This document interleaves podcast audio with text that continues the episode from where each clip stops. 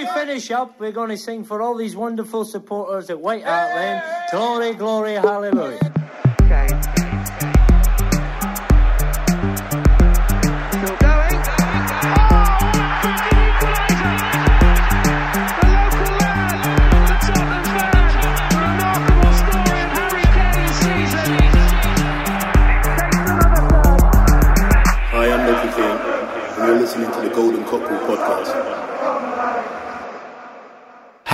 og velkommen til en ny episode av Golden Cockerel. Fjerdeplass i eh, Premier League. Vi er videre i Champions League. Vi røyk på hodet ut av eh, ligacupen, men nå er det VM-pause. Vi har ekstremt mye å snakke om i dag, eh, og med oss i studio har vi deg, Petter Frydenlund, Ja, hei. og ikke minst deg, Leif Konrad Børsheim, Hei, hei. og fotball-TV-stjerna Magne Enoksen. Ja, takk, takk. Hei.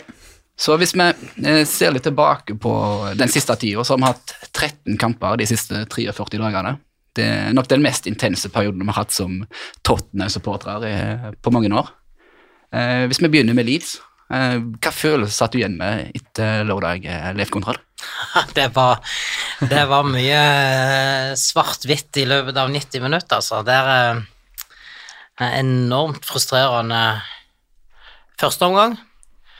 Eh, det er klassisk sånn som første omgang har vært nå de siste månedene, og så får vi jo en tidlig utligning og tenker at nå, nå er det bare å kjøre på og få det der eh, seiersmålet, og, og, og, og flere for den saks skyld. Og så klarer vi å falle tilbake igjen og gir Leeds initiativet, og så ser det ut som det går skikkelig galt når de tar ledelsen 3-2 igjen. Men så er det noe med det. Da er det godt å ha en eh, svenske og en eh, en Bentancour eh, på lag, altså, som, som redder, redder kvelden. Det Ja, det, det er nesten Altså, det følelsesaspektet der får kjørt seg enormt i løpet av 90 minutter. Ja, hvordan er det egentlig å ha Kulisevskij tilbake i denne troppen? Nei, Det er deilig, altså. Har, det er helt åpenbart hvor mye vi har savna han. Eh, jeg tror jo også at eh, den skaden han fikk for Sverige i september, eller når det var det, har kosta Tottenham eh, en god del poeng, altså. Eh, Så viktig er han, og så, skal jeg si, så dårlig er dessverre erstatterne som har kommet inn. Typisk nok da, så blir jo Richarlison skada ikke lenge etterpå. Sånn får seg en trøkk, er for så vidt også ute av form. Eh, og, og da kommer Lukas inn, som vi ja, altså Skal aldri slutte å være glad for det han har gjort en, en maikveld i Amsterdam, men, men det blir på en måte Det er ikke bra nok, da. Eh, og da blir liksom savna Savna Kulusevski blir jo enormt. Og, og det har vært godt å få han innpå. Han får ting til å se så Han får det til å se så lett ut. Han er ikke, han er ikke kjapp engang, men han bare går Han bare danser seg forbi, altså. Det er deilig. Var så tydelig mot Liverpool da han kom inn, og så brukte vel ca. to minutter på å gi en assist. Så det var liksom bare Det er dette dere savna, folkens. Tenk å være liksom så mye treigere enn Ja. f.eks. Lucas, og likevel så mye lettere for å gå forbi en mann. Ja, det, jeg syns det har utvikla seg litt eh, fra starten med Kulisevskij. Eh, jeg leste de to første kampene om, om han hadde signert en snegle eh, når han kom inn der. Men han viser jo et visst tempo med, med ball i bein, eh, som virker ganske unikt for eh, dette Tottenham-laget, hvis du spør meg. Eh. Ja, altså Han har jo kvaliteter som, som ingen andre har i det Tottenham-laget, og derfor så blir han så utrolig viktig, og vi blir veldig avhengige av han òg, for det eh, vi, vi, vi har liksom satt oss opp nå med at vi har eh, bygd opp et, en midtbane og et forsvar liksom, av defensive spillere i, i, i stor grad, og, og, og offensivt veldig avhengig av eh, tre stykk. Og i tillegg, når Kulisevskij har vært ute, så er vi jo kjørt inn på én mer defensiv midtbanespiller til, lagt om til 3-5-2, som gjør at du sitter igjen kun med, med Son og Kane på, på topp. Eh, og, og, da mister vi eh, mye av, av det offensive spillet vårt. Ja. Og så er det ikke bare å erstatte det med Lucas heller, det er vel sikkert derfor han ikke lagt om til 3-5-2 òg, for mm. han ser at du, du får ikke, vi får ikke det samme med, med med Lukas, eller for så vidt andre, som, som, som Kulusevski gir deg, da. Uh, Ole Andreas eh, spurte litt på Twitter uh, hva formasjon bør Tottenham spille. Uh, og da har jeg lite Hvis vi ser litt tilbake på høsten, så har Bizuma blitt mer og mer inkludert i, i troppen. Eh, og Cruyff sa vel en eller annen gang at når jeg ønsker å vinne fotballkamper, så hiver jeg inn en ballvinner og ikke en spiss. Eh, hva vil dere se, Magne? Jeg ville veldig gjerne se mer 3-5-2 tidligere. ehm, fordi da syns jeg ofte sleit på midtbanen, at jeg fikk ikke kontroll fordi motstanderen var en mer, og det hjalp ikke å ha tre personer oppe når de ikke klarte å koble dem på. Eh, men nå har det jo synes ikke, altså Det er tydelig at Conte foretrekker 3-4-3, at han tenker at flere target-folk der oppe øker sjansen for at du faktisk øker sjansen for at du klarer å ha ballen der. Da. Og den 3-5-2-en har jo ikke fungert så bra utover høsten. Eller ikke, ikke fungert så bra tidlig på høsten. Jeg syns Bizuma var dårlig til å begynne med, han har kommet seg veldig. Så eh, ja, dette var jo ikke noe konkret svar, egentlig. Men eh, ja, det er gått fra å være veldig pro 3-5-2 for å få det til å funke bedre, til å være litt sånn tilhenger av 3-4-3 igjen, til å se at 3-5-2 også kan funke eh, når eh, spillerne funker. Da. Det er kanskje det som er eh, det avgjørende at Men, eh, men foretrekker du tre, tre bak, altså? Nei, eh, egentlig ikke. Jeg, vil, eh, altså jeg skjønner at Conte gjør det, og at det er det vi kommer til å ha, så det alt det andre er på en måte borte fra hodet mitt, men jeg, det er 3-5-2, eller lag med tre bak er jo stort sett vanskelig å score på, bortsett fra Tottenham ikke er det i høst. Uh, så det blir jo kjedeligere kamper av det, synes jeg. Hvis du ser to sånne 3-5-2-lag mot hverandre, er, da er det trøtt, altså. Nå kommer vi tilbake til Marseille eh, om en liten stund, men hvis vi ser eh, Bentancour og Høibjerg i 3-5-2 Petter, så har de kommet med en del målpoeng etter Bizuma har kommet inn der. En Ja, de har, jo, de har jo på en måte blitt flyttet i den formasjonen, så ble de to flytta litt lenger opp. da. Eh, og begge de har jo vist at de kan skåre mål. Så det tenker jeg det er jo en positiv eh, bieffekt av, av den formasjonsendringa. Hva jeg foretrekker, jeg syns det er vanskelig å svare på, fordi jeg, syns vi har spilt ganske ræva fotball eh, med begge formasjoner. Det er, i hvert fall, eh, i hvert fall ikke noe garanti for at, eh, at, vi, at vi lykkes. Um, men det er klart at det kan jo være en styrke å kunne, og av og til kunne variere litt. Da. Vi har jo opplevd noen dårlige førsteomganger med begge formasjoner, og det å, det å av og til da kunne prøve noe annet i andre omgang, er jo da kan være en styrke. Samtidig er det også litt sånn tegn på at man sliter litt med liksom sånn sette ideelt et, de ordentlig gode lagene som, som gjør det best. De har jo på en måte et system som de bare virkelig føler seg trygge på. Da. Så, så jeg skulle gjerne sett at uh, ett av de funka såpass godt at vi slapp å snakke om det andre alternativet, egentlig. Sånn som i vår. Ja. Altså, jeg tror vi egentlig de første omgangene har vært helt tilfeldige, eller har de hatt en plan om å starte rolig for å så eskalere i andre omgang? Men hvis en skal tro på Conte da, i intervjuet som han har eh, gjort etter kamper, så, så, så har ikke det vært planlagt. Eh, Sa ikke Loris noe annet? At, eh, at det var umulig å spille for full maskin i alle omganger. Så om det var bevisst eller ikke, så var det sånn at det var naturlig at man var litt mer forsiktig av og til, eller prøvde å rasjonere litt. ja, Det er mulig han snakka rent om det fysiske, at det går rett og slett ikke an, og at det dermed er en naturlig konsekvens mer enn bevisst. Men, men, men eh, hva, hvor er logikken da med å bare hive vekk førsteomgangen? Altså, kan du ikke heller kjøre på i første da, og så, og så ligge heller bakpå og forsvare en ledelse i andre, hvis det, hvis det var det vi gjør? det vi var vi gode på i vår. Hæ? Ja, det, spesielt siden det var det vi var gode på i vår, og skaffe oss en ledelse og kunne Ja, for nå, nå har vi måttet jakte hele veien, ikke sant? og vi har, vi har måttet hive inn på spillere ikke sant? for å jakte det, det, en utligning eller et seiersmål. Som, som det, det- virker sånn helt mot sin uh, hensikt. Men, men det kan godt være det er et poeng, ikke sant? Og, og Conte har jo uh, ofte hatt utfordringer når laget hans har måttet spille to kamper i uka. Altså, han, han har vel dårlig statistikk, tror jeg, i, i alle klubber han har vært i i forhold til Champions League. Han har ikke hatt noe, han har ikke noe god statistikk der. Eh, verken i Chelsea eller Inter eller, eller noe sted. Så det er klart at eh, ja, Jeg vet ikke om det er noe med spillestilen som, som gjør at dette det Ja. blir tøft med to kamper, og når du ikke bruker troppen i tillegg, så Så sa du, Petter, litt kjedelig defensiv fotball. Eh, og så kikker vi litt på tallene. Så har vi tredje høyest expected goals i Premier League. Så hva defini definerer den kjedelige fotballen? For vi skårer jo mye mål og skaper jo egentlig mye sjanser. Ja, ja da, eh, vi gjør jo det. Så, um, grunnen til at det føles kjedelig når man ser på litt, er jo fordi vi lar motstanderen ha mye ball. da. Eh, vi har jo blitt liksom vant til Hvis vi går tilbake til Pochettino-årene, så var vi på en måte vant til at vi, vi styrte kamper, hadde liksom hadde initiativet. Nå så føles det ut som man, man lar motstanderen diktere mye, og har egentlig vært sånn, vært sånn i flere år nå, også under tidligere trenere. Så, så det føles ikke like kontrollert, da. Um, samtidig så har resultatene vært ganske ok.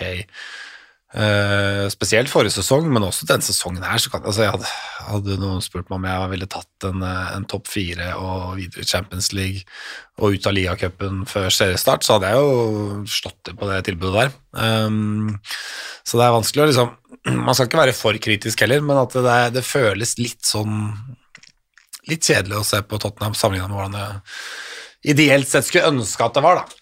Uh, Og hvis vi tenker da, Magne, hvor bør forventningene ligge? Uh, ett år med Conte, det har skjedd mye. Eh, Fra krisestemning i oktober i fjor til topp fire av Champions League. Ja. Har vi for høye forventninger? Uh, kanskje, men samtidig har vi skapt de selv, syns jeg. Altså, jeg eh, altså, Apropos det du sa om at man har liksom blitt vant til å føle seg komfortabel med å ha ballen selv, og så plutselig har vi ikke den, og det er ukomfortabelt. Altså, på, i, på løpet av vårsesongen så følte jeg meg etter hvert komfortabelt med at motstanderen hadde ball, for det var så innmari vanskelig å skåre på oss. Um, mens det er det jo ikke nå lenger. Eh, Jeg gleda meg skikkelig til i sommer til at Conte har fått en preseason som han ikke fikk da han overtok. Så nå har fått til nye spillere, så to gode argumenter for at laget bør bli mer solid. Og så er det dårlig defensivt, selv om vi produserer en del offensivt. Så jeg har fullstendig mista den følelsen av at eh, vi kan eh, tåle å bli pressa uten å slippe inn mål. Du ser det jo mot de gode lagene nå. Vi vinner jo ikke kamper mot gode lag. Alle kampene mot liksom, topp seks-konkurrenter er jo bare tull. Eh, så der har det skjedd et eller annet som er gått dårligere. Så altså, vi ligger på, måte, på et naturlig sted på tabellen, omtrent. Vi har vel tredje best i Premier League hvor etter at Konto overtok. Fjerde best nå, ok, det er ikke så mye forskjell. Men eh, at det er så langt Det virker å være så mye lenger unna de beste. Så at vi tar de dårligste fordi vi har gode enkeltspillere nok til at vi vi er rett og slett for gode til å tape mot dem, mens de beste lagene er det et eller annet som ikke funker bra nok til å ta lenger, som funka i fjor, og det syns jeg er dumt. Der synes jeg det skjedde en, altså det, Du nevnte med defensive delen, at det var bedre forrige sesong, men jeg syns også sesongen starta jo med egentlig ganske ok defensivt. Jeg følte at vi gikk inn i sesongen med ganske sånn god kontroll i kamper, at vi slapp til motstanderen. I de første kampene av sesongen så hadde motstanderen mye ball, men de skapte utrolig lite. Sant. Eh, vi satt og hylla Dyer, og det var ikke måte på hvordan vi liksom var fornøyd med det defensive. Mens der har det på en måte blitt dårligere og dårligere i løpet av, i løpet av høstsesongen. Ja, Hva som har skjedd med Erik Dyer etter landslagspausen, uh, det sliter jeg med, med å forstå. Noen som uh, sa at han hadde trent med Harry Maguire. Ja, jeg, jeg skrev vel det på Twitter, jeg òg. Eh, men hvis vi ser litt sånn på forventninger og plassering, så slo en tanke meg en dag. Er, er vi egentlig litt skuffa fordi det er Arsenal som leder, og de spiller fin fotball? Eh, Leif Konrad? En er alltid skuffa når Arsenal leder tabellen, altså det Men, men liksom Uavhengig av det, så er jeg mest opptatt av, av de prestasjonene til Tottenham. Eh, og, og resultatene har vært eh, mer enn godkjent, men, men det er liksom prestasjonene som, eh, som gjør at, eh, at, eh, at en blir litt skuffa. Eh, og så kan en gjerne sitte og se på noen Arsenal-kamper og egentlig bli ganske imponert over de stegene som de har tatt, eh, og, og med de signeringene som de har fått inn, og hvordan de da har klart å ta de til neste steget, som, som vi ikke har klart å ta nå. Så det er nok det som er litt sånn skuffende. For bare den kampen i, i mai, når vi passerte de på tabellen, og eh, det, det, det var jo helt ellevilt, altså. Og, og, og, vi var vanvittig mye bedre enn de da. Og så går det en sommer, og så er det snudd på hodet. Så så fort skjer det jo, da. Ja, og så leser vi litt på sosiale medier, om det er på Facebook eller Twitter. Eh, plutselig er trender Conte out. Er er det noe vi ønsker, eller er Conte vår vei eh, videre? Eh, vi vet jo aldri hva som skjer i morgen, men det er noe folk snakker om. Eh, og det virker som en liten splittelse eh, i supportergrupperingen rundt det. Hva tenker du, Petter? Nei, jeg, jeg føler vel at de, eh, de som skriver det, er eh, sannsynligvis for det første ekstremt mindretall. Jeg, jeg har til gode å høre noen jeg eh, Hva skal jeg si Noen mennesker jeg verdsetter, uh, uttale seg på den måten, så, så, så det, jeg tror ikke de er så veldig mange, og, og, men det vil alltid være noen som måte roper høyt om den eller andre. og og man kan være misfornøyd med, med, med laget og med treneren. Det kan, altså, jeg er også misfornøyd med en del av Tottenhams kamper. Jeg er også til tilbøyelig til å si at jeg er litt misfornøyd med Conte på noen områder, men, men fra å være det til å tenke at løsningen er at han skal ut av Tottenham, det, det, det er et godt stykke unna. Ja, og Hva tenker du, Magne? Eh, Conte har ennå ikke signert ny kontrakt. Eh, Vi kan anta at de samtalene kommer nok til å gå nå, nå i pausen når det er ro rundt andre ting. Eh, Men for meg så virker det som at Conte ser på dette som et prosjekt, et lengre prosjekt. Eh, Han sier jo det i hvert fall, eller han gir inntrykk av at han trenger tre overgangsvinduer, og da må vel i hvert fall ha planer om å være her i tre overgangsvinduer, eh, får vi tro.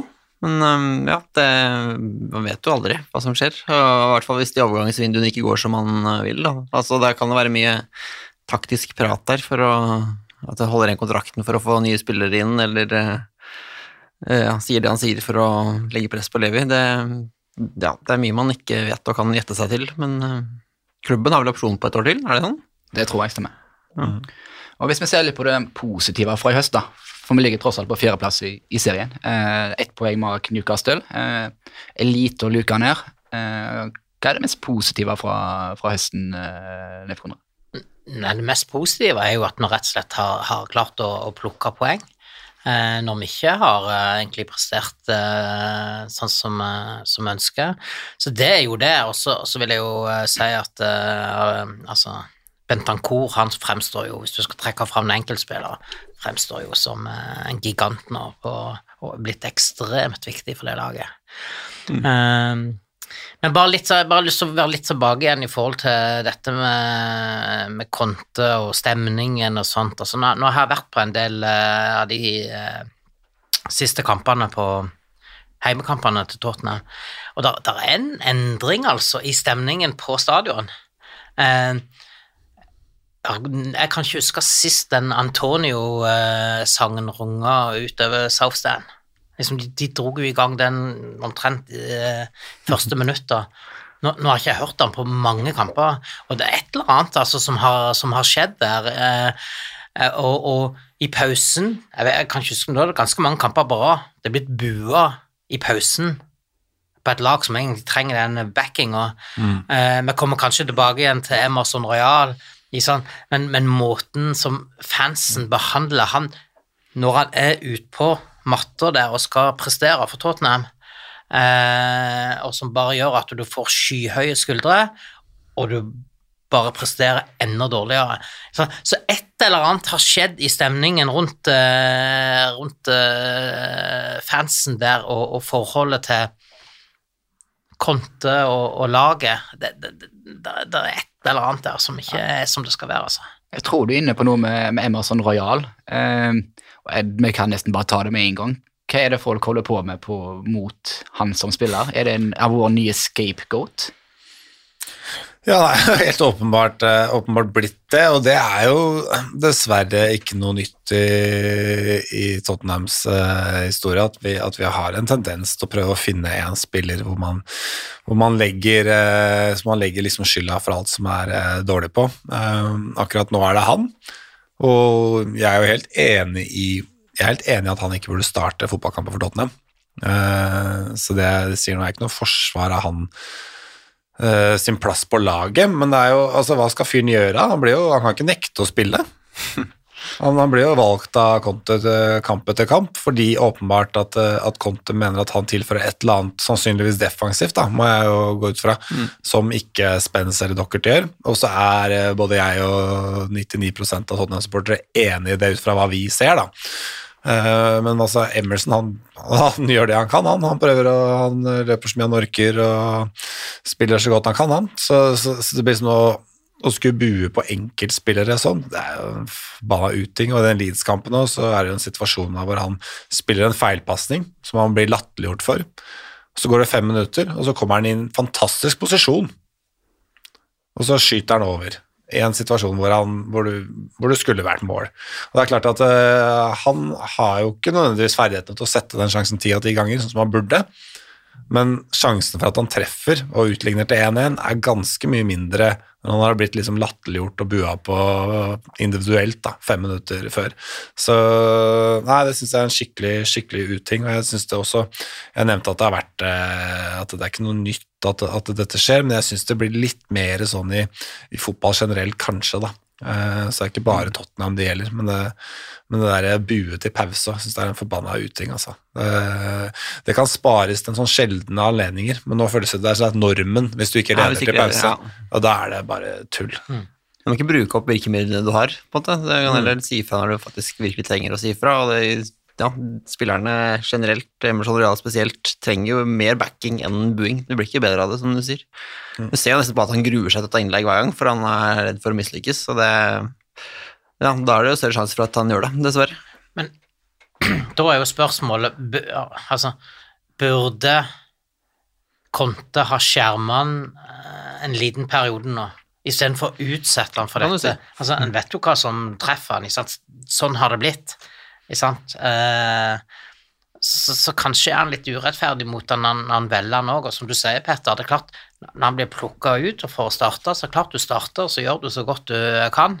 Eh, opplagt han gjør det, men er det en god man management å gjøre det?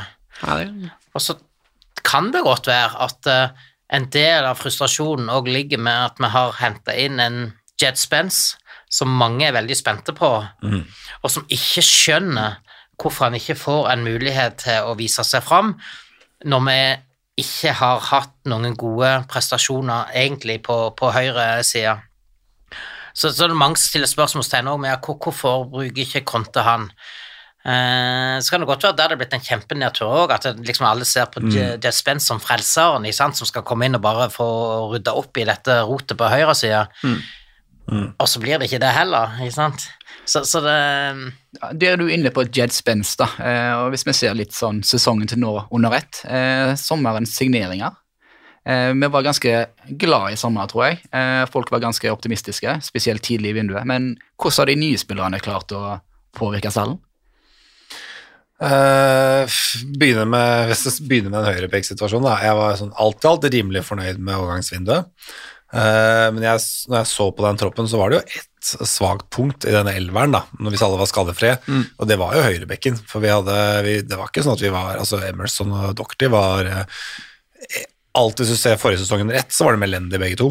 Og så hadde begge to en ålreit eh, avslutning på sesongen, og derfor så glemte man litt hvor dårlig det hadde vært. Og så henter man inn da, da Jed Spence, som egentlig var spennende, men jeg husker jeg tenkte sånn er det, er det en ung gutt vi trenger nå? Eller burde vi egentlig hatt en, en sikker starter? Eh, foreløpig så det den frykten viste seg å stemme, da. Ser vi på det andre, så er det jo Du har Perisic, som jeg alt i alt er skuffa over. Eh, gode cornere. Men jeg, jeg syns jeg leste noen statistikker når han kom om at han var den spilleren i Serie A som gikk forbi flest bekker eller et eller annet. Mm. et eller annet. Så jeg, jeg har liksom venta på at han skal liksom være helt overlegen utpå der og, og, være litt sånn som vi husker liksom fra Walker og Rose de åra der.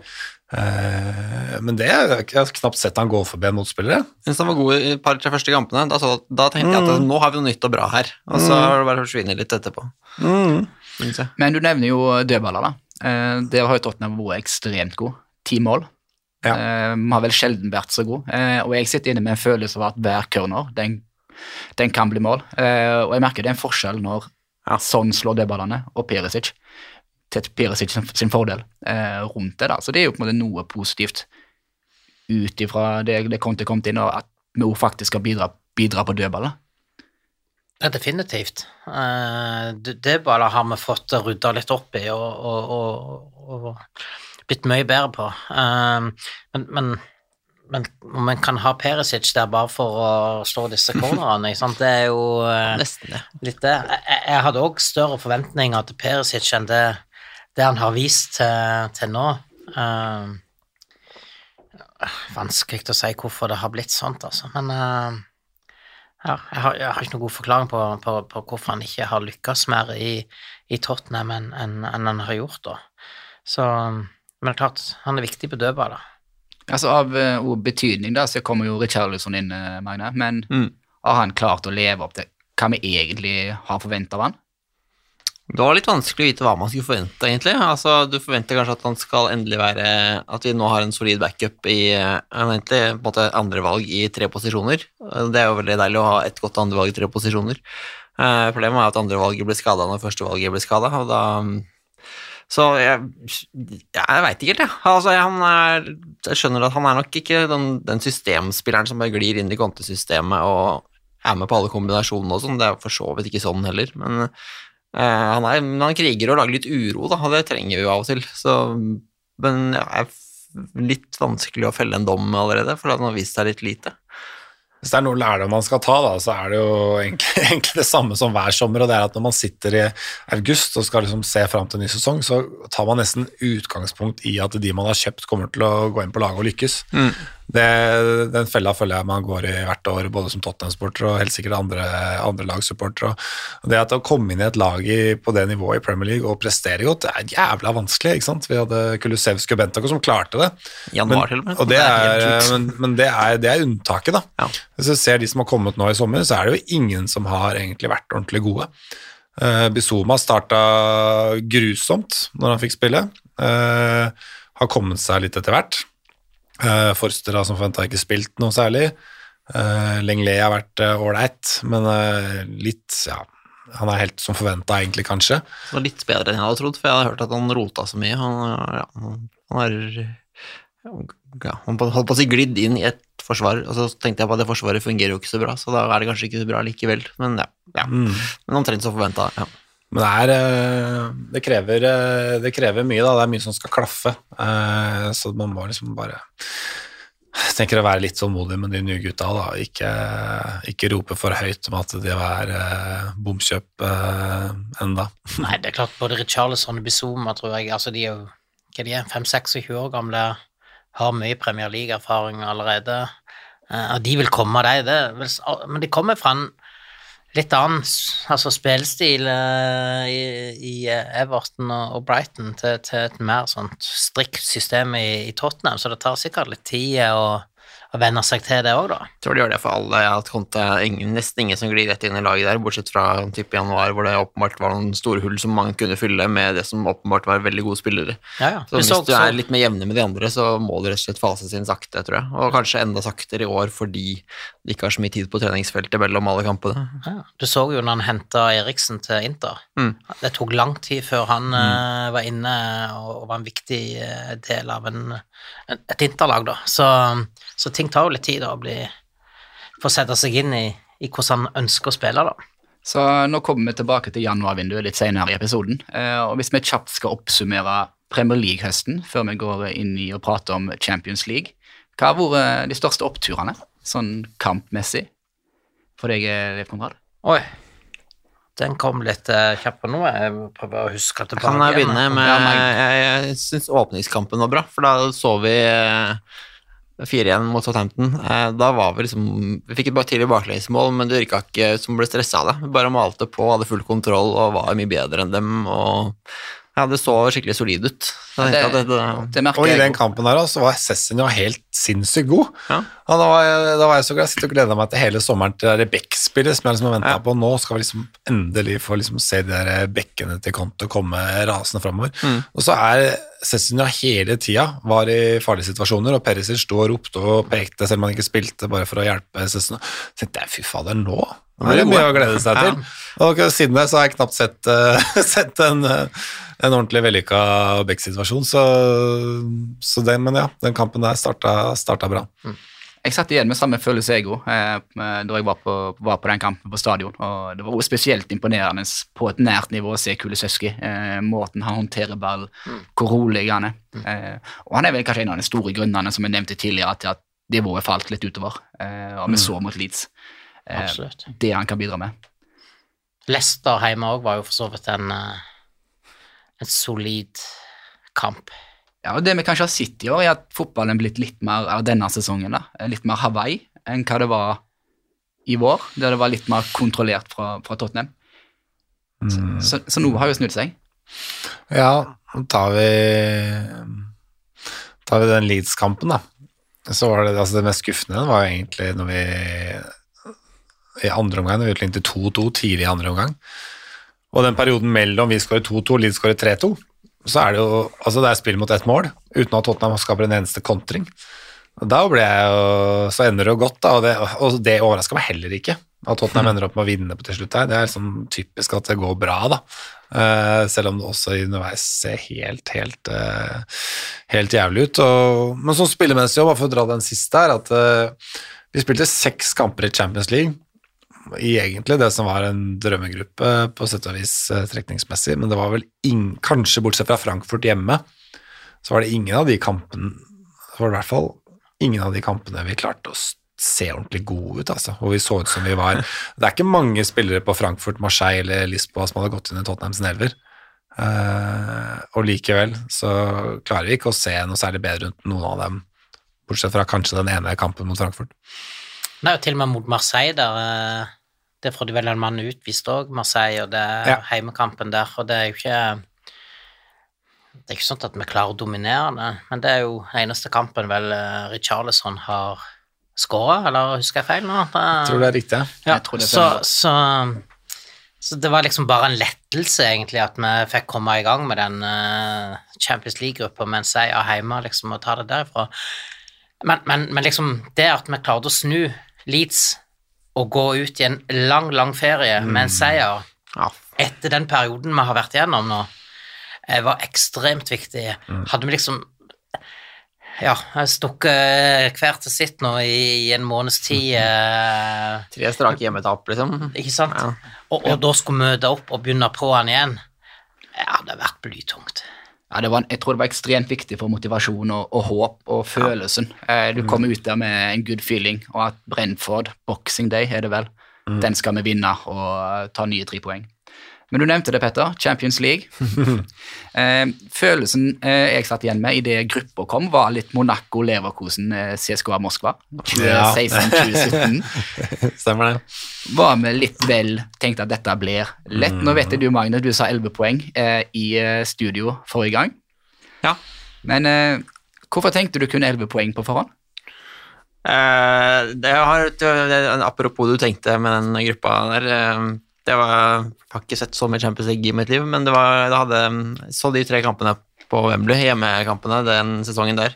Så jeg har den gruppa veldig friskt i minnene. Og jeg tenkte her får du liksom det enkleste laget fra nivå 1 og det kjipeste laget fra nivå 4 og eh, et til litt guffent. Så det liksom lyste mot meg veldig at her er det ingen enkle kamper, eh, og vi, er ikke noen kjempevanskelig heller, men alt kan bli litt trøblete. Og så um, ja, og så hadde jeg jo friskt i minne Tottenhams bortekamper i europahistorie fra den senere tid, hvor eh, der er det mye dårlig, ass. Jeg budsjetterte vel med ni poeng på hjemmebane og to på bortebane eh, i de- elleve. Um, Nå gikk det faktisk litt bedre borte og litt dårligere hjemme, men um, ja, det, det var så skuffende at uh, når Tottenham spiller Champions League, da forventer jeg at liksom, nå får vi den gode versjonen av Tottenham. Den som du aldri får i eh, Conference League eller, um, eller Europa League, fordi der er det et eller annet i huet på dem som bare detter litt. Men da fikk jeg litt den følelsen i Champions League òg, det var litt kjedelig. Man får dra den, eh, den sesongen vi snakker om der med Leverkosen og Monaco og CSKA Moskva, det er jo 16-17-sesongen. Mm.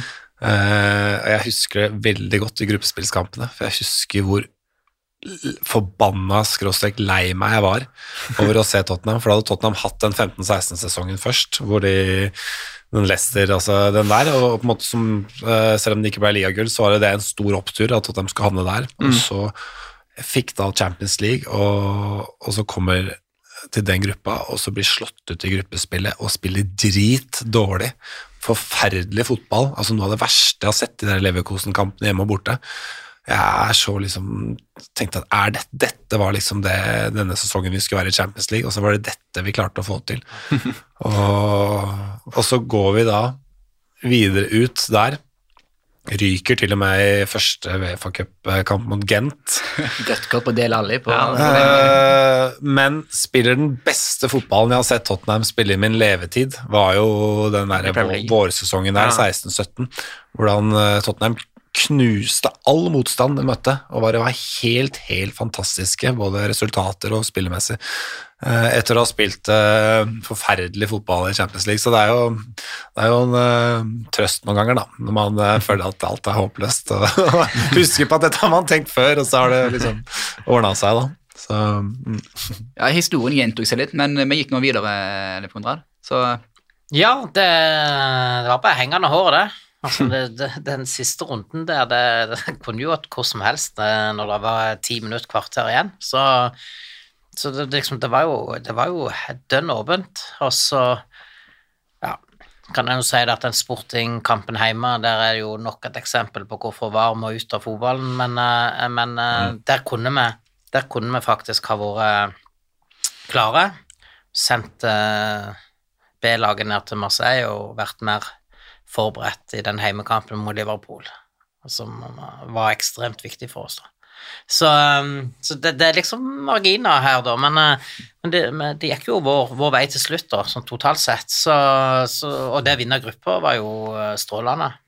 Ja, det var vel en teori på forhånd, Magne, at det kom til å være jevne grupper. Så Ja, at du trengte som- 15 poeng for å gå videre, var nok alle, allerede ganske urealistisk, selv om sporting starta med, med to av to. Mm. Så det var jo litt som vi spådde på forhånd eh, og snakket om i forrige episode. Eh, Men du, Petter, du var i, eh, du var i Marseille, du. Mm, ja. Kan du fortelle litt om eh, de første 45 og de siste 45 der? Ja, altså, også selve kampopplevelsen har er sikkert et bedre bilde enn meg, for å være helt ærlig. Men, men eh, jeg kan jo jeg kan jo fortelle litt om liksom, opplevelsene rundt, da. Og, og det å være der, for det var en sånn spesiell bortekamp å reise på. Uh, mange er sikkert kjent med det, men sikkert ikke alle, at Marseille er jo et sted som er sånn frykta, frykta å reise til som bortesupporter, fordi eh, de har eh, Hva skal jeg si? De har eh, en supportergruppe som er berykta både i Frankrike og egentlig hele Europa for å være, for å være rimelig harde, og også en politistyrke som heller ikke som heller ikke skal kødde så mye med. da. Så det var egentlig ganske Det var ikke så mange engelskmenn som reiste heller. Det var et par tusen. Eh, men det var på en måte lettere å få tak i billetter enn til veldig mange andre bortekamper i Europa. Og det merka vi jo fort når vi, når vi kom dit òg. At eh, alle steder jeg har sett Tottenham i Europa, så er det jo vanlig at man liksom samles altså Enten at det er en sånn stor på en måte, plass eh, som man samles på, hvor det er tusenvis av folk som står og synger og koser seg, eller at det i verste fall er i hvert fall noen sånne irske puber eller altså, et eller annet hvor det er hundrevis at det er store samlinger da, av, eh, av bortsupportere. Men det var det overhodet ikke i Marseille. Og det gjorde politiet og lokalbefolkningen nå, vil jeg si, alt de kunne for å unngå.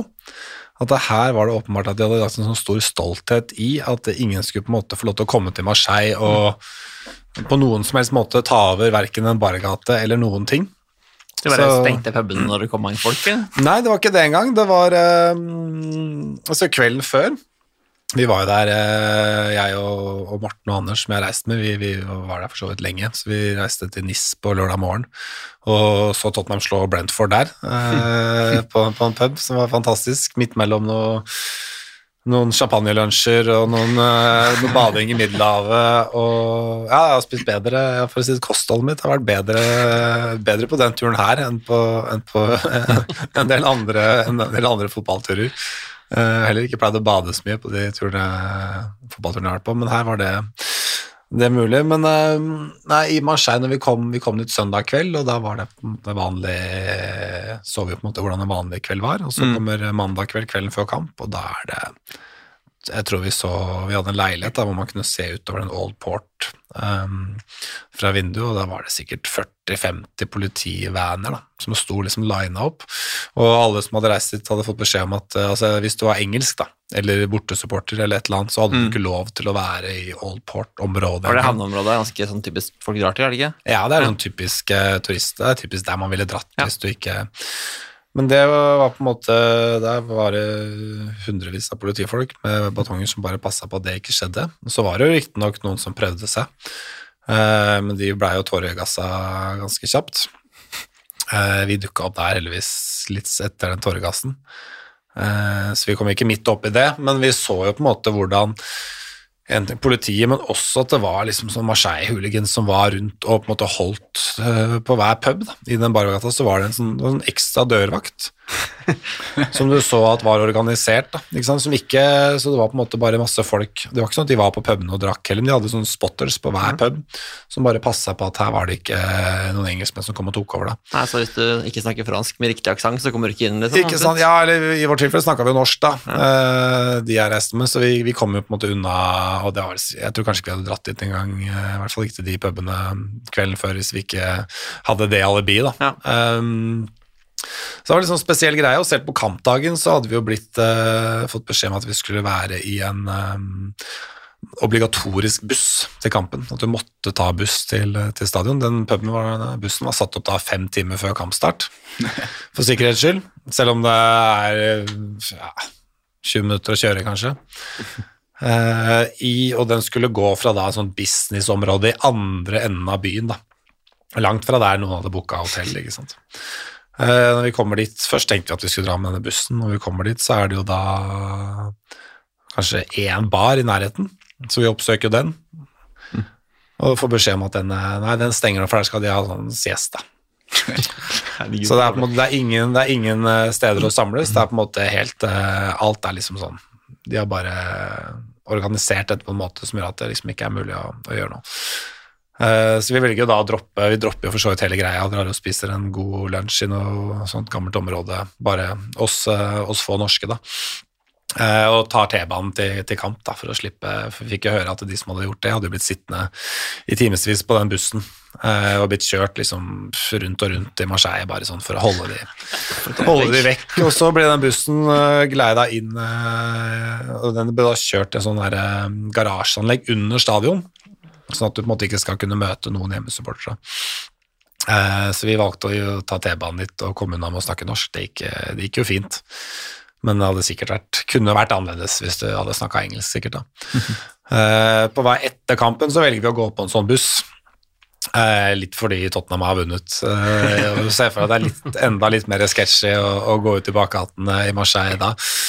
Og da blir vi først holdt i en halvannen time på stadion, og så er det halvannen time er det en time vi blir sittende Når vi først kommer på en buss, så blir vi sittende en time på den bussen etter det har gått halvannen time, før bussen kjører, og så blir vi liksom tatt med en sånn lang melkerute rundt hele Marseille og blir sluppet av et sted midt på natta i andre enden hvor, ikke, hvor må gå tilbake hvor du må gå langt tilbake til, til hotellet. Da.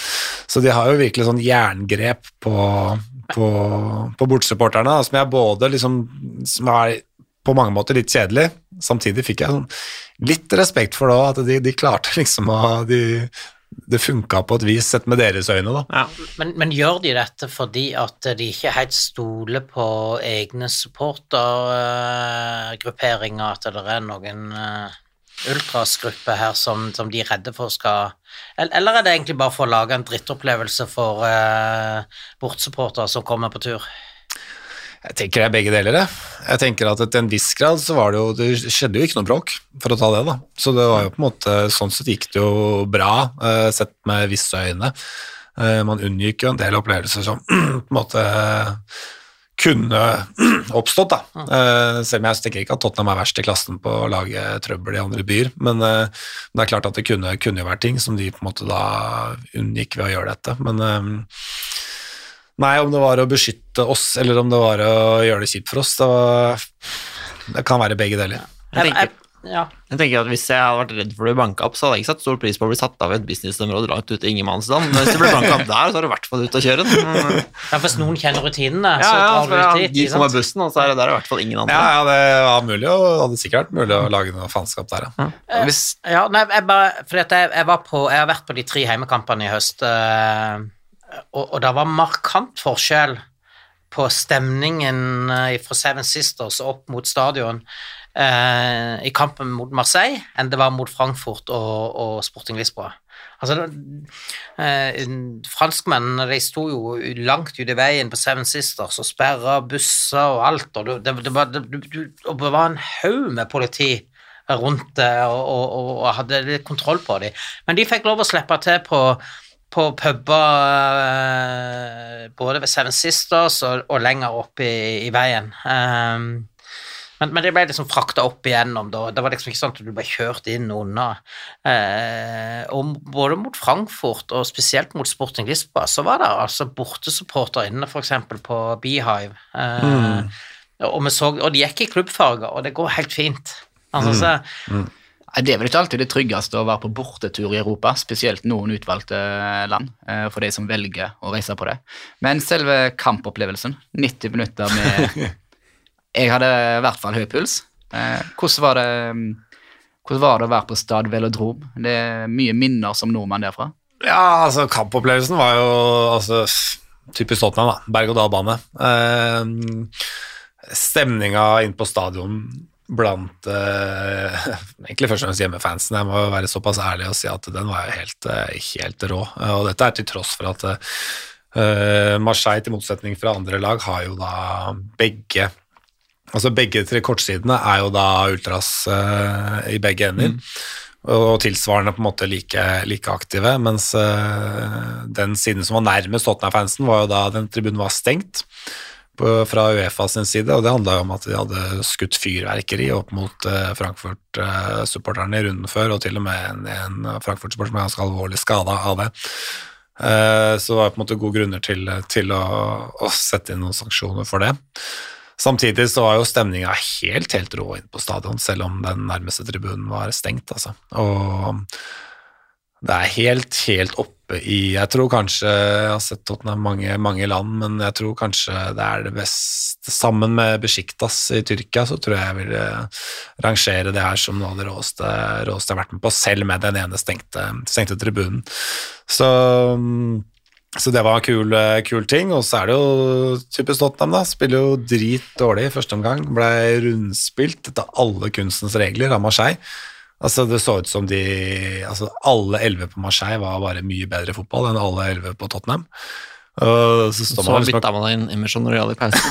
Det var taktisk eh, geni- genistrek, og det ender jo med at Høibjerg setter inn um, 2-1 og gruppeseier på, på overtid. Igor Tudor stormer banen. Eh, skulle nesten trodd han skulle, skulle, takle, skulle takle guttene der. Eh, sa, de sa vel i etterkant at Tottenham-spillerne hadde full kontroll over utfallet i, i gruppa, mens Marseille-spillerne fikk ikke informasjonen. Eh, jeg lurer på om det var Gundosi som sa det, at de visste ikke at det holdt med uavgjort for å uh, gå videre, så de, de, de satsa jo alt. Ja. Så det sier jo litt om av stemninga så hadde ikke Marseille-fansen sjanse til å få med seg Nei, det er litt gøy, da. Ja, Eller de det var jo som, eh, som bortesupporter så ble man jo nesten litt sånn bergtatt av stemninga der, så, men, men det er klart at når Tottenham går opp til når Høibjerg skårer der, da, så er det jo ja, det er mye armer og bein, og da, skjer, da, skjer det mye, da skjer det mye bak mål her. Jeg, jeg, det var eh,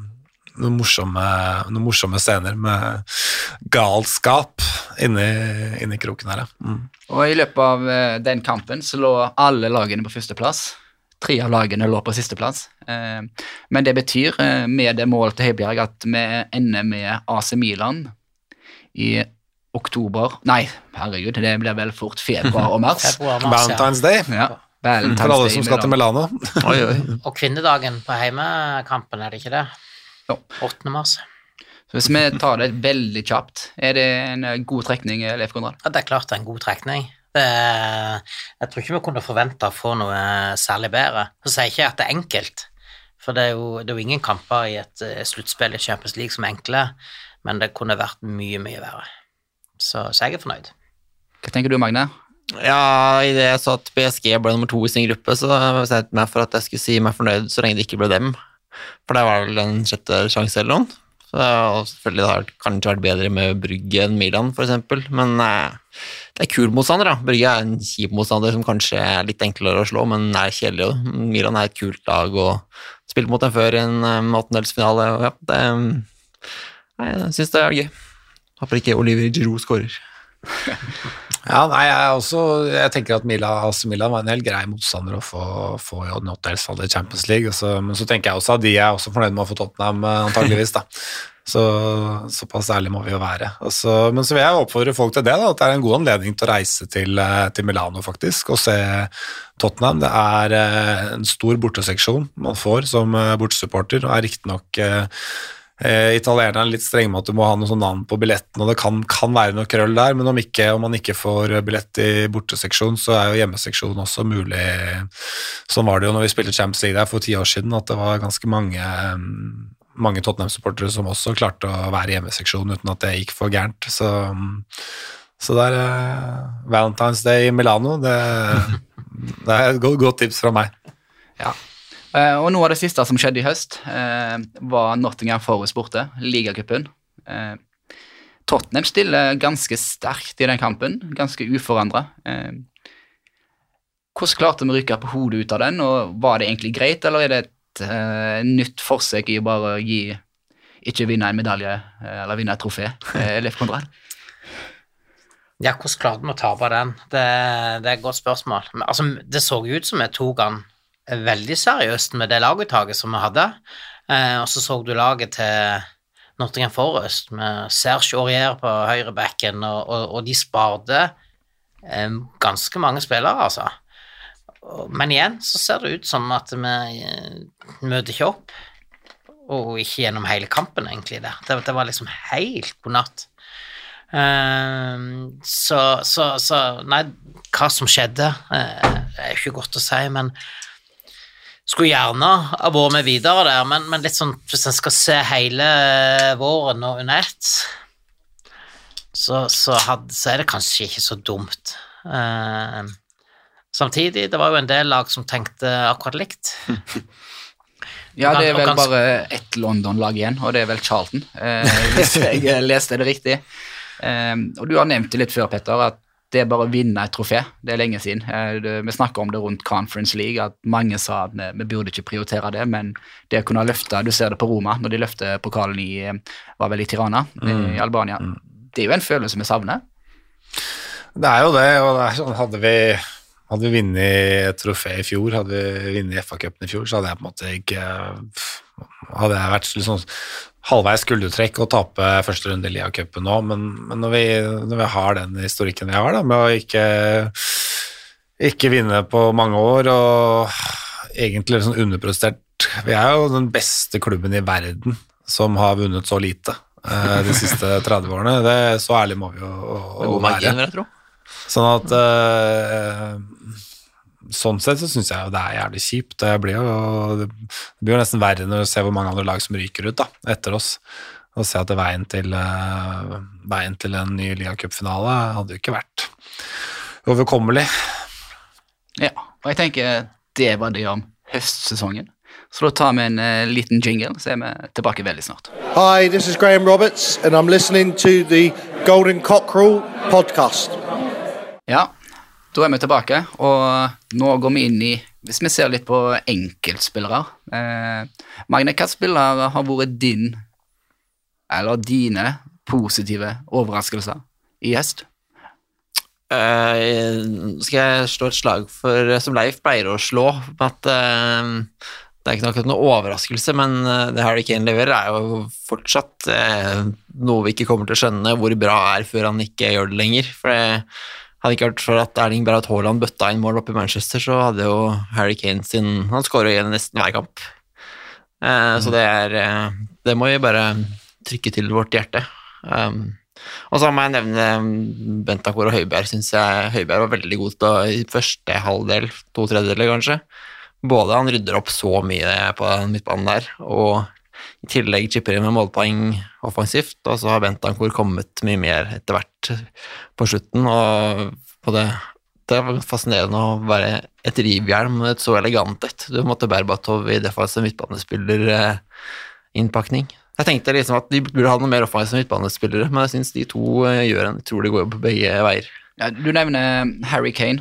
Eh, jeg hører View from the Lane fra The Athletic, eh, og der er Tim Spears eh, inne i vikariat for Charles Eccleshare. Eh, og for de som ikke vet det, så er vel Tim Spears Wolves-fan og har dekker egentlig Wolverhampton eh, i det daglige. Men han sa etter å ha sett Tottenham live hver dag, eller hver gang i høst, så har han innsett hvor god Harry Kane er.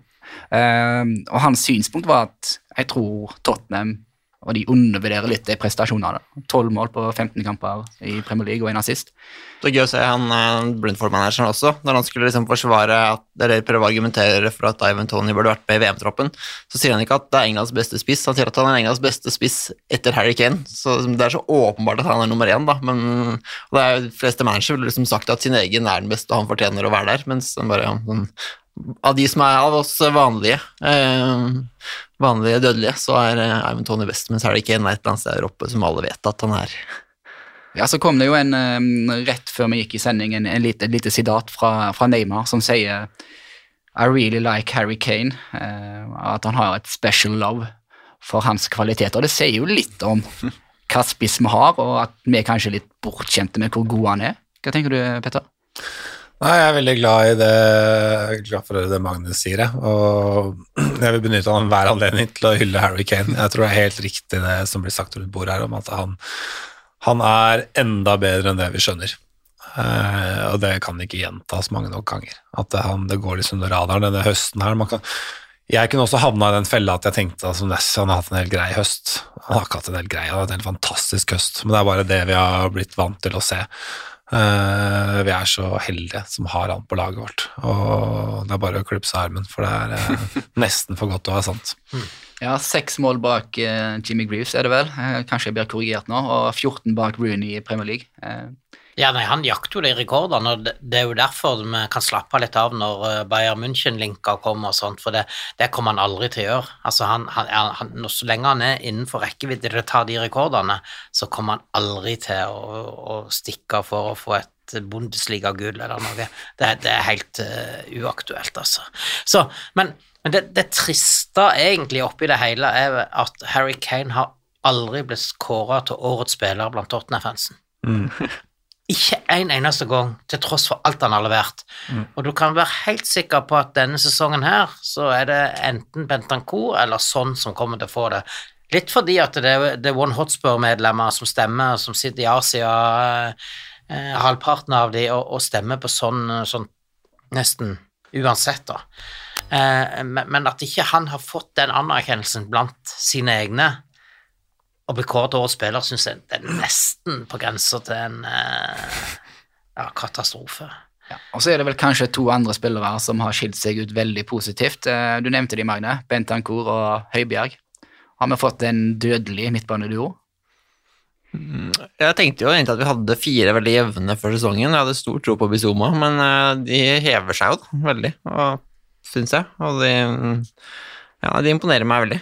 Så for jeg har gått fra å liksom ønske meg noen klare enere på sentral midtbane der til å mene at vi har to som er på et veldig høyt nivå. Så det, den posisjonen har flytta seg ganske langt ned på lista over steder jeg mener vi bør eh, bør um, forsterke oss. Jeg synes det det er gøy å se på Eller det er ikke så ofte det er gøy å se på defensive midtbanespillere og den jobben de gjør, men uh, det er liksom helt uh, en god Locanté-takter til tider her. Bare sveiper opp alt som kommer, og så er de perioder helt borte fordi de har løpt seg tomme to ganger i uka, selvfølgelig. og det, Da er det igjen litt frustrerende at de ikke får hvile seg litt. Men man skjønner jo det når man ser hvor gode de er, at det er fristende å la de spille hele tiden. Ja, hva tenker du, Petter? Hva er egentlig Bent Ankur og Høibjerg gode på? Er det noe du klarer å sette De er eh, og De er litt forskjellige, da. Eh, så jeg kan jo på en måte ikke sette de De har ulike kvaliteter som komplementerer hverandre. Eh, Høibjerg som ballvinner er, eh, er viktig. Høibjerg som motivator. Altså sånn eh, jeg, jeg tenker at han har en ganske enorm effekt på laget i forhold til å på en måte pushe de videre. Han er en fyr vi har med deg i krigen. eh, som viser, eh, viser med hele seg at han er, eh, har lyst til å vinne fotballkamper. Um, Bentancur er jo mye mer elegant å se på. Han er, eh, han har ekstremt god, altså veldig gode pasninger.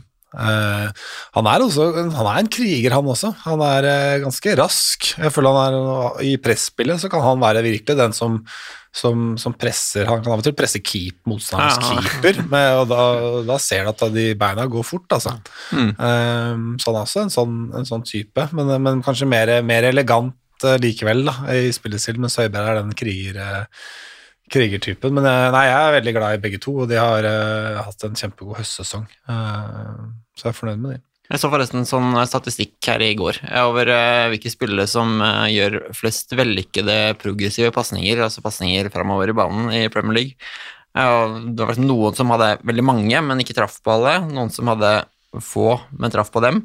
Og så var det noen som hadde ganske mange og traff på de fleste, og der var Høibjerg best av alle, omtrent. Altså midtbanespiller. Så han, er, han blir hylla for det defensive jobben, og han er veldig god offensivt i tillegg. Mye, han slår en god del bakromsballer til Kane, som for eksempel. I EM i fjor så var jo han fram til finalen nesten den med flest assister i mesterskapet, så ja, han eh, kan mye, altså. Og begge skårer mål, da. Ja. Det er noe eh, har savna litt fra midtbanespillere i Tottenham. Eh, Vi kan vel definere Eriksen som en midtbanespiller. Han sto vel det på papiret. Men vi har ikke hatt noen målskårer fra midten, og det er, jo, det er jo en kilde til nye målpoeng, eller nye poeng som vi ikke har hatt før. Og det har imponert meg mye. Eh, Det de har vist offensivt, faktisk, at de er gode avsluttere, de, de kan avslutte. og eh, Nå viser jeg at de kommer i riktig posisjon i større grad. Hvis vi ser litt bort fra de tre, da, eh, Leif Konrad, er det noen som du kan vil ønske å trekke fram positivt? Ja, Kulisevskij, selv om han har vært vekke, syns har vi vært innom han, og klart at han, han er jo vært uh, veldig viktig. Um, eller ellers så er, det ikke så mange som bare tenker wow, her eh, de har hatt en knallsesong. Egentlig ikke skuffa litt over sånn. Eh, ikke vært i form, tydeligvis. Um, Romero vært mye skada, liksom ikke heller, og når han har spilt, så har han heller ikke vært på det nivået som han var på i fjor. Um, Det viser jo litt at det er fortsatt mye å gå på eh, på en del spillere i troppen som vi vet innehar et, et høyere nivå. absolutt, absolutt. Jeg trodde Cézinho òg skulle ta et uh, hakk eller to, uh, eller to steg videre nå på ja, og etablere seg inn der, selv om jeg henta Perisic, så, så at han, men at han skulle pushe han enda mer. Men det heller ikke tatt helt sjansene når han har fått dem. Så nei, det er en del å gå på. Det har ikke tvil om det. Ja, er det noen som har skuffa deg litt, eh, Petter? Ja, ja, det er jo De Leif nevner, er kanskje de første jeg kommer på, da. Eh, kanskje mest, mest av alt sånn. Eh, han er, ja, for å være helt ærlig, han har vært dritdårlig. Han har det. Han har skåret tre mål. Det var hat trick på ti minutter eller hva det var, mot Leicester. Utenom det vært eh, elendig. Ja, da var han til og med benka.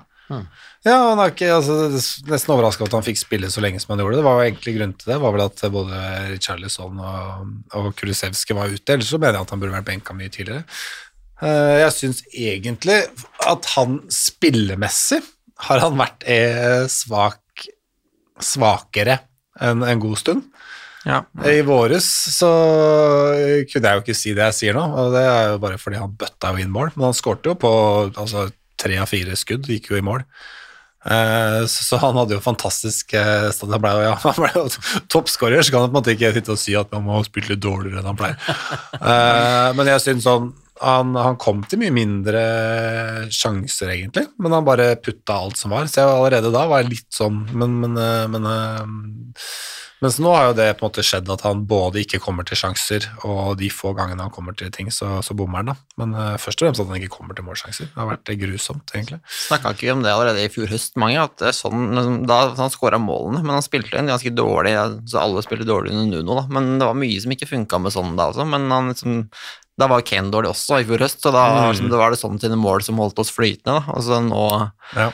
Så det er mulig det er at han ikke passer så godt i den kontofotballen, egentlig. Han passer bra når han får ballen i bakrommet og kan liksom løpe der, men når han skal være den, en av de tre oppe som mottar de ballene opp og legger den igjen til en eller annen, så hvis han har en mann tett i ryggen, så sliter han, altså. Så, Jeg tror det er et godt poeng at eh, spesielt når Tottenham er blitt så defensive til tider og stått så lavt i banen, og, og sånn skal ned og møte, så har det blitt mye balltap, og kvaliteten hans har ikke blitt utnytta til det han er god på.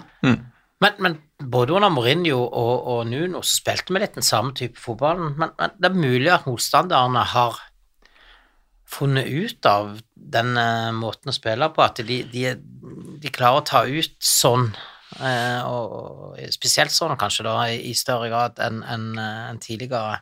De kommer bedre forberedt i forhold til å De vet, når han må, han må møte med ryggen mot, uh, mot mål, så, så, så sliter han. Altså, han mister ballen i ni av ti tilfeller der, altså. Så, så, som det ligger noe i det, da. Jeg vet ikke, men uh, han leverte jo under Mourinho, han og Kane herja jo som bare det. Uh, for så vidt så forrige sesong så toppskårer, så ja. Hvis vi ser litt videre på de som har skuffa litt, da, så kan jo jeg dra fram at jeg er litt skuffa over hele Forsvaret, for å være ærlig. Eh, Spesielt etter forrige landslagspause i midten av september. Jeg syns eh, Romero har ikke vært på samme nivå som tidligere, i tillegg til skader. Eh, jeg syns Erik Dyer har vært svak. Eh, Bekkene har vært svake, begge sider. Eh, Davis er kanskje den som har vært mest stabil og mest aggressiv, og, og Langley har gjort en god jobb. Men eh, hvis du spør meg, så den kontrollen jeg følte vi hadde i, i vår, kontra nå, er at nå sitter jeg med følelsen av at alt kan bli farlig. Mens i uh, vår var jeg ganske trygg på at her slipper vi ikke inn mål. Så det, hva tenker dere har skjedd bakover på banen? Hadde Dyer en bare veldig god periode, eller er, er han rett og slett god nok til å lede Tottenham sitt forsvar? Jeg har tenkt mye på det. Jeg tenker akkurat det samme mye, at hva har skjedd siden i fjor. Eh, Det er ikke noen god forklaring på det. Jeg tror kanskje det har mye å gjøre med kampprogram og driller Altså en kombinasjon av at de har færre tre dager på feltet sammen, så de får hvis Jeg vet ikke hvordan Conte jobber, men som bruker mye tid på kommende helgs motstander eller kommende motstander og hvordan de spiller, og justerer taktikken etter det, så får han jo færre mindre tid til det når det er to kamper i uka. Eh, og eh, to kamper i uka vil jo gi mer slitne bein, så kanskje Forsvaret får mindre hjelp av de foran seg. Selv om jeg da syns at disse midtbanespillerne våre gjør en knalljobb, så er det mulig de liksom glipper en del som det ikke glapp i vår. Da. Men jeg er helt enig i den forsvarsanalysen at jeg syns Ben Davies plutselig er den mest stabile fra å være den jeg helst ville bytta ut i sommer, så noe har jo skjedd der. Jeg, vet, jeg vet ikke om jeg har dekning for det, men, men jeg, jeg syns bare at vi faller enda lenger bakpå enn vi, vi gjorde forrige sesong. Altså, vi, vi møter vi nesten der på 20 meter, ikke sant? Eh, og det er klart at da, da er det vanskelig å forsvare seg òg. Altså, du, du blir jo satt under nesten et konstant press, og da blir du det lenge nok, så kommer det en eller annen personlig feil eller et eller annet eh, som ødelegger det. Det er vanskelig å holde den konsentrasjonen oppe når, når, når du liksom hele veien får ei bølge mot deg, som jeg opplever egentlig vi har hatt ganske mye denne sesongen. Um, Så er jo, nei, jeg er jo enig i det som også ble sagt med Romero, at han, har- han har skuffa i forhold til altså i forhold til hvor uh, god han var forrige sesong, da. Så har han vært en stor skuffelse, skuffelse i år, og, og når han har vært skada, så hadde Dyer måttet uh, enten Sanchez kommet inn, som vi vet at ikke er til å stole på, eller så må jo Dyer da ut og ta den plassen. Og Dyer har også spilt mye bedre når han spiller i midten der, da. enn når han må ut på høyre, så blir det mer, mer trøbbel, da. er min opplevelse, i hvert fall. Ja, så har det jo kommet litt kritikk mot uh, Hugo Lloris.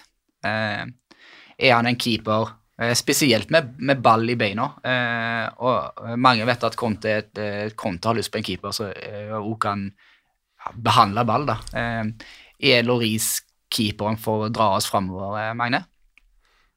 Ikke sånn veldig lenge, i hvert fall, gitt at han er eh, nesten like gammel som meg, men eh, altså, han har jo et bra nivå, synes jeg. I hvert fall på streken er han god. Altså, så den kampen mot United, da vel Ellevill. Det var- hadde jo blitt nesten tosifra hvis han ikke hadde vært eh, i toppform. Men eh, det var jo sånn statistikk at han underpresterer vel på sånn eh, expected saves, eh, og det bør man ikke gjøre hvis man skal stå i mål for et topplag. Da bør man jo redde litt mer enn forventa, framfor litt mindre enn forventa. Så det er mulig han har begynner å kjenne alderen litt. Um, og så er han jo de, som du sier, det med spill med ball i beina kommer han vel aldri til å bli eh, noen ekspert på. Um, enn så lenge så tenker jeg at uh, får kanskje ikke noe bedre akkurat nå, men snart bør vi nok begynne å tenke på det.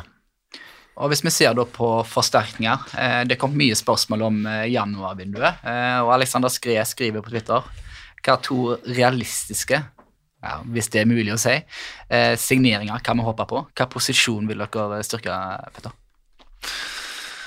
Oi eh, vanskelig, vanskelig spørsmål, altså. Eh, nei, det, altså, det dumme svaret på det er at jeg ønsker meg en høyre bekk. og der har vi tre stykker fra før, så så Men det ville jo vært sånn ideelt sett det første stedet jeg tenker at Eller letteste stedet å forbedre førsteelveren var å få en høyrebekk som virkelig hadde, hadde nivå inne. Det kommer jo sannsynligvis ikke til å skje, da, i og med at vi har liksom satsa på tre andre litt bussige hester. Men um, utover det så er jo sentral midtbane har jeg jo ingenting å utsette på. Um, offensivt så er jeg jo egentlig ganske fornøyd med de fire, fire foran. Det er jo spørsmålet om Kane skulle hatt en backup som kun var spiss-backup, da. Um, og ikke bare en sånn Richarlison som kan, kan brukes. Kanskje der. Um, så må det jo bli i Forsvaret, da. Uh, tenker Vi kommer ikke til å hente noen ny førstekeeper i, i januar, så det er ikke noe vits å tenke på. Så da måtte det eventuelt blitt blitt en Men nå har vi allerede henta han venstre for denne sesongen, så har vi på en måte løst den der Davies-Lenglet-posisjonen. Jeg, jeg tenker at den skal vi ikke nødvendigvis røre borti, denne før til sommeren. Så da står det med liksom Dyer-posisjonen sentralt, eller Romero til høyre. Romero-posisjonen vil jeg ikke jeg, vil, jeg har lyst til å se han mer der, da, for å si det sånn. Eh, og Dyer sentralt, og jeg syns han også Han er jo periodevis veldig god òg i den rollen, sånn at uh, jeg er usikker på hvor mye man skal drive og rocke med det, med det nå, selv om det er fristende, fristende å rope om det akkurat etter de siste kampene. Ja, eh, Tord Valby spør har folk for store forventninger til, til januarvinduet. Eh, forrige januarvindu gikk jo ekstremt bra. Eh, folk satt jo egentlig litt skuffa igjen på deadline day, at det kun kom to inn. Eh, så vet vi jo det som skjer. Vi kan ikke dømme det på forhånd, men har vi litt for store forventninger? Ja, men, men det er jo det som er interessant. da, I januar liksom, ah, her måtte springe tilbake igjen til Juventus og til gamle venner og så hjelpe dem unna, så de kunne få finansiert Vlaovic-kjøpet. ikke sant? Eh, og de ble nesten sånn latterliggjort over hele greiene, og så viser det seg jo at det, det er jo de to beste kjøpene vi har gjort på på lang tid, og så kommer vi til sommeren, og så blir vi hulla litt for uh, måten vi går ut og bare henter inn nye spillere tidlig og får de på plass, får de inn i systemet og blir en del av gruppa. Og så sitter vi nå og er litt sånn skuffa over ganske mange av de. Så, så, men, men, jeg tror januar handler litt om å, å se på hva, hva, som er mulig, og så, og så ta de hvis det, hvis det dukker opp noe. Um, jeg blir litt overraska om det blir sånt voldsomt mye som skjer da. Det kan godt være at de heller planlegger for sommeren. Mange som står uten kontrakt til sommeren, som da er mulig å begynne å, å snakke med i, i januar eh, og få på plass da, til, til, sommeren.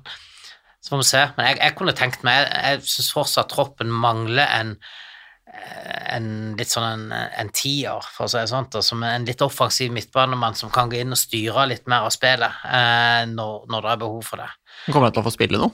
Hæ? Kommer han til å få spille noe? Men, men det er jo det som er utfordringen, ikke sant? at du, du er henta inn bare for å komme inn når det er behov for det, men det har det jo vært nå i alle kamper, så det, sånn sett så blir det jo mye spill til iallfall en, en omgang. Eh, men så kan han jo være et alternativ eh, til sånn. Eh, det må ikke nødvendigvis være Kulisevskij som skal settes ut. Det var litt det vi tenkte før sesongen, at sånn var låst i laget. Han og Kane skulle du ikke røre på. Men den har nok endra seg i løpet av høstsesongen. At nå er det nesten mer at det er Kulisevskij som er låst i laget, og Kane, ikke sånn. Ja, det kan godt være at, at, en, at hvis du får en mer sånn playmaker som kan ligge litt på sida og, og, og, trekke hver mot midten, og så kommer Perisic og Cézinho opp på, på sida der, eller for så vidt på motsatt side òg, men da har vi ikke de offensive um, spillerne. Så, så, så, så, er det en mulighet, selvfølgelig, å, å, å gjøre det, men uh, jeg syns vi mangler den typen, iallfall. Drømmen er kanskje Madison, da, i den, i den rollen, men får han et godt, et godt VM, da, så spørs det om, mm. om det ikke er mange om beina der. Får ikke spille, vet du. Får ikke spille. Men så kan jo det positive altså, eh, De klett tett på klubben nevner at Tottenham vil ha to til tre inn. Så får vi se om det skjer. Eh, men det er jo de som sitter tettest på klubben av journalister. Mm. Eh, Madison ville jo vært en drømmesignering, eh, og der møter jeg nok eh, konkurranse fra Newcastle. Men hvis du tenker fra et sånn Leicester-perspektiv, så er det kanskje på tide at James Madison får komme seg videre. Eh, og da håper jeg jo at Tottenham er med og jakter på han, fordi han ville jo vært med og løst en del av utfordrerne vi, sitter med i dag. Men han, han må nok ha en sånn velkomstvideo à la Doherty, da. Han har vært ute på Ja, sosiale sant medier og vært ja, Ikke akkurat skrevet fint om, om, om Tottenham, så jeg tror ikke han, jeg tror ikke han har noe eh, spørsdrakter liggende hjemme i gutteskuffa, altså. Så Ja, men, men det er klart det, det når, når du er en profesjonell fotballspiller, så, så, så klarer du å legge sånt til sides, men um... Ja, Vi vet jo at Jan Kulusevski er født Arsenal-fan, for å si det sånn, så eh, han leverer han som en gud for, for Spurs. Eh, hvis jeg skal si det sjøl, så skulle jeg ønske meg en stopper, eh, uten tvil. Eh, og jeg skulle hatt en innenfor Erik Dyer, eh, så lenge Romero er skadefri. Eh, om det er en litt mer rutinert en, for jeg syns det mangler en klar leder når Dyer ikke klarer å ta rollen. Om det er De Vri av Inter eller hva, så skulle jeg gjerne ønske meg en stopper, for jeg syns vi sliter der. Og så får den høyrebekken løse seg til sommeren, fordi du, du, du, du kan ikke ha fire høyre, fem da og Sanchez har spilt høyrebekk, du kan ikke ha seks høyrebekker eh, i stedet. Jeg tenkte litt på altså Jeg tenker at da mitt sånn mitt, min, eh, Jeg har bestemt meg for at verden er sånn at vi, noen, noe av grunnen til at vi sliter, er tett kampprogram for de årsakene jeg sa i stad. At det er kanskje mm, i ref Petter som gjennomgikk elveren på jakt etter forsterkninger, og så er det hvor man burde forsterke, så er det ikke så mye som åpenbare ting, men jeg, Conte er jo tilsynelatende innmari sta på å bruke de samme folka hver gang, da. Så hvis det er fordi han mangler noen gode alternativer, så tenker jeg mm, da kan vi godt finne et bedre andrevalg i de andre posisjonene, så noen får hvilt litt mer. Ja. Eh, Jeg vet ikke, om det, vet ikke om det gjør at Konte kommer til å rotere mer på laget eller ikke, men eh, det kan jo virke som han liksom Hvis Brian Hill hadde vært en bedre spiller, så kanskje han hadde fått spille mer. Eh, Ja, så, ja, så kanskje heller forsterke troppen enn elveren når kampene kommer såpass tett. Men er det kanskje du merker på Conte nå, da, at det tar litt tid før han begynner å stole på spillere? Eh, Bizuma har brukt tre-fire måneder, men plutselig mot Marseille så er han god når han kommer inn. Eh, han er god mot eh, Leeds når han kommer inn, så det kan jo være litt i den relationship eller forholdet Conte har med spillere. De skal kjenne systemet. Det er Ja, jeg tror det uansett. alle løpene, alle pasningene, det er planlagt på forhånd. Eh, så det tar nok litt tid for det som skjer i sommer, at de skikkelig får, får kommet inn i, eh, inn i systemet. Ja, da må han vel til Inter da, og hente noen i januar, da, hvis han skal få noen rett inn. Da. Da, Edin Seko er jo vært nevnt som, en, eh, som et spissalternativ til, til Kane. Eh, Det finnes jo noen gode stoppere i Inter, eh, og vi vet at økonomien rundt om i Europa den er jo varierende. Så Skriniar, går vel, hans kontrakt går vel ut nå til sommeren òg. Ja. Så det blir spennende å se. Eh, Geir spør om Destinys lån kan kanselleres, men det, han blir vel i Serie A ut, eh, ut året. Eh, så spør hun Jone Torkelsen. Hugo Loris kommer det en ny keeper i sommer, eventuelt i januar. Eh, jeg har mine klare meninger på hvem jeg ønsker inn, og jeg kan vel slenge det ut med at uh, jeg skulle gjerne sett Roberto Sanchez fra, fra Brighton uh, i Tottenham-målet, men tror vi det skjer noe på keeperplass i løpet av de... ikke kanskje ikke førstkommende vindu, men neste vindu igjen. Petter, hva tenker, hva tenker Nei, januar tenker jeg er utelukka. Uh, så det, det skjer en sommer, om, eh, og jeg tror det skjer Jeg tror det skjer i 2023 eller 2024. Hvor lang er kontrakten hans nå? 2024? Han har eh, ett år igjen i sesongen, så Mm. halvannet år igjen. Ja. Så en keeper, eh, det er vel eh, både han og David Raja og Ilan Meslier har vel vært nevnt som kandidater. Jeg ser for meg at han ikke Jeg tror ikke han kommer til å trappe ned i Tottenham Loris. Jeg tror han kanskje går kontrakten ut, og så henter du en klink ny førstekeeper da. Kanskje mer enn at han Det kan selges selvfølgelig hvis du henter inn en klink ny førstekeeper, men jeg tror ikke han blir å spille cup for Tottenham en sesong for moro skyld. Så det er kanskje mest nærliggende 2024, hvis jeg skal gjette, men ja. Hvis vi tenker Hugel og Riis, det er VM-pause, kan vi kalle det det. Eh, Folk har forskjellige meninger om VM. Noen skal boikotte, noen skal se. Eh, Men alt i alt er det i hvert fall ekstremt kontroversielt. Mm. Uh, Hugo Loris var ut- ute og uttalte seg i, i media på, her om dagen, på søndag vel, uh, om at han kom ikke til å bruke farge, fargelatt eller regnbuearmbind, kapteinsbind i VM. Hva, hva tenker man sånn uttalelse fra en eh, kaptein på Tottenham og, og Frankrike, eh, Magne? Nei, det skulle jeg gjerne ønske at han hadde sagt noe annet. At um, altså Harry Kane har sagt at han kommer til å bruke det, eller i hvert fall eh, har planer om det. Og, altså, har ikke, det kan være sitater jeg har vridd på, sånn, men han har sikkert sagt et eller annet i den retning. og Jeg skjønner at det er vanskelig for han å få det spørsmålet, for det, det er mye mer behagelig å slippe å si noe om det, og så bare jatte med. Men det, ja, at han liksom avviser det Det kan godt bare kan ikke hvis du ikke er keen på å si noe, eller hvis du føler at du ikke kan si det du burde si, så kanskje det heller blir sagt noe sånn som at dette må vi ta opp til vurdering når vi er der og når kampene kommer, eller et eller annet sånt. Så, så mm, det er kanskje feigt å gå rundt grøten, men eh, det er bedre å gå litt rundt grøten enn å eh, Hva skal vi si eh, Bøye seg såpass, eller legge seg såpass på ryggen. Jeg syns at kritikken skulle vært retta mot Fifa. Det Fifa i forhold til reglementet der, så har du ikke, heller ikke lov å bruke dette kapteinspinnet i VM. Um, Godt du kan mer enn meg, Leif. ja, ja, men, Ja, ja. sant? Og, og, og, og Loris viste jo til det òg. Ja. Både til at ok, at eh, når folk kommer til mitt land, så håper, så håper de respekterer eh, våre lover og regler, og, og jeg har tenkt å gjøre det samme. Samtidig så sier han det at Fifa òg han, han må følge de reglene som Fifa setter til dette. Ja, det er en av sitatet jeg ikke har lest. Og, og opplagt så, så, så er det et problem eh, der. Samtidig så sier han òg at han, det kommer til å komme markeringer fra den franske troppen rundt dette òg, da. Um, så, så, så, så, så kanskje det blir retta mot, mot feil sted, altså den, den kritikken. Men jeg skjønner jo, jeg skjønner jo at, eh, at folk reagerer eh, på det, da. Så får vi se på hvor mange land til slutt som, som eh, som faktisk eh, stiller med et sånn et eh, kapteinspinne. Ja, for det var det jeg litt satt og lurte på litt, liksom, hvor mange, hvor utbredt er dette her? Er det, er det noe som, eh, som de fleste europeiske land kommer til å gjøre, eller er det, eller er det kun England, eller hva?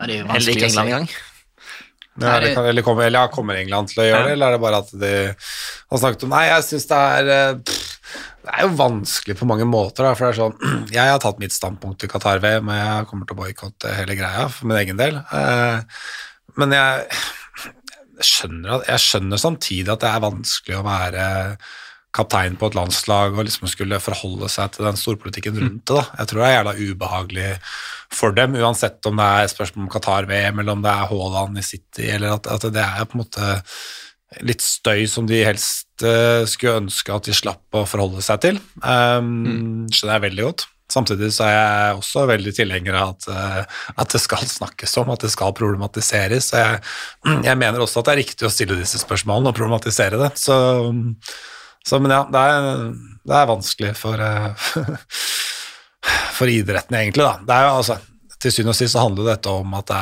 er store økonomiske interesser som tar over den sporten vi elsker.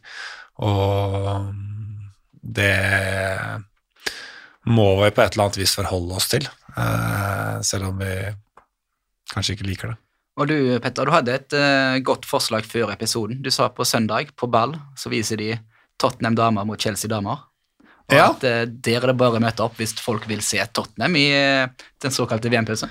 Ja, jeg, kanskje jeg skal bruke VM-pausen til det. Jeg har tenkt at det er bra for familien at jeg, at jeg bruker tida mi på noe annet enn å se fotball, men, men det kan jo også være en, eh, en anledning til å fordype seg litt mer i damelaget til Tottenham, da, hvis man er, er, er mer opptatt av Tottenham enn av, enn av menneskerettighetsbrudd og alt mulig annet dritt nede i Qatar der. Eh, Men om vi vil det eller ei, VM kommer til å spilles, og Tottenham har fulgt i stjerner i VM. Eh, Kommer en Tottenham-spiller til å løfte trofeet, Leif? Det er jo ikke utenkelig, det. Eh, Jeg tenker at eh, Brasil kan vinne det, Argentina kan vinne det, Frankrike kan vinne det. Um, så det er vel kanskje der vi, vi har noen kandidater til å bli verdensmestere. Skulle gjerne sagt England i samme slengen, men, men eh, jeg tror ikke den troppen er god nok til å, å, å vinne VM. Så, så, så hvis jeg skulle tippe noen nå, akkurat nå, så ville jeg gått for at uh, Richarlison blir verdensmester. Og toppskårer? Ja, håper, håper han får starta. Der er jo en kompis nede i veien nå som har uh, herja i høst, så Han så- Han pleier jo å starte. Han, han ble starta, ja. Så får vi se på når, når VM begynner. Han har fått den legendariske nierdrakten nå, så er vel fort førstevalget til, ja. til Brasil. Eh, Vi satser på det. Er ikke det at han kameraten nede i veien har vært så veldig god. Eller han, han har ikke skåra så mye mål, i Nei, hvert han har stagnert, ja. han òg nå i det siste, så det hmm. Men hvis vi tar helt til slutt eh, rundt eh, bordet og tilbake til Tottenham eh, Hvordan ender sesongen hvis vi prøver å se inn i spåkula? Magne, hvor klarer vi topp fire? Um, ja, det tror jeg. Jeg tror kampene kommer litt sjeldnere til våren. Jeg tror vi har spart oss i såpass mange førsteomganger at eh, det blir en slags ny start etter VM, at vi stiller nok godt rusta sammenligna med en del andre, tror jeg, hvis ikke det kommer hjem en hel haug med skader fra VM. Men ja, jeg tror det. Hva tenker du, Petter? Ja, jeg tror, eh, jeg tror at vi klarer å, å Vi klarer så vidt der å kare oss innafor topp fire. Og Leif, er du positiv? Optimist? ja, ja, ja, det er jeg, men, men samtidig så ser jeg jo at eh, Liverpool begynner å nærme oss. Um, Manchester United er ikke så langt unna. Det er klart de har litt å styre med der nå om dagen, men eh, Men eh, det, det blir ikke enkelt, for å si det sånn. Det blir ikke det enkelt, blir, men, men, men, men får vi en sånn en formutvikling som vi hadde forrige vår, så da er det jo, da er det no-brainer. Da er vi topp tre. Eh, men ja, nei, det blir spennende. Vi har mye å se fram til, iallfall når det Ja. blir 2023. Det er Champions League. Eh, tenker du at Ode det blir kvartfinale eller lenger? Ja, jeg blir litt skuffa hvis det ikke blir kvartfinale, det må jeg ærlig innrømme. Ja, enig. Og så vet jeg jo, Petter, du har drømmer om et trofé. Vinne med FA-cupen. Liga- Ligacupen har vi jo kasta i et vindu allerede, så det er jo ikke så mange muligheter igjen. Vi, vi, vinner, eh, vi vinner ikke FA-cupen. Hva tenker du, Magne? Blir det, blir det et trofé, eller er det nyttår med tørke, som er fint kaller det?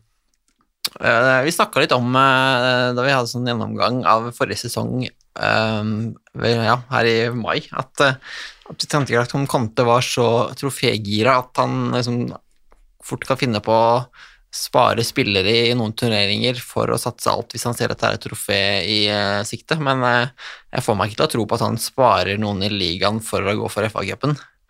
Dermed må man liksom snuble seg til en FA Cup-seier, og det er vanskelig å se for seg. Men eh, nei, eh, i fjor trodde jeg det, fordi da var vi så gode mot de gode laga. Jeg tenkte da kan du alltid slå alle.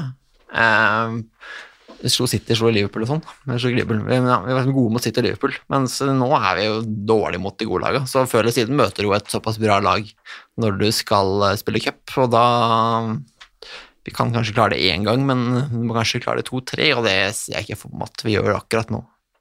Kanskje vi gjør det i april. Ja, vi får se. Da kan jeg være optimist. Det- Vi havner foran Newcastle, vi klarer topp fire, og det blir semifinale i, i Champions League.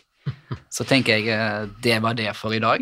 Eh, Tottenham er tilbake boxing day borte mot Brentford, eh, og da er det bare å begynne å jakte poengene på vårsesongen.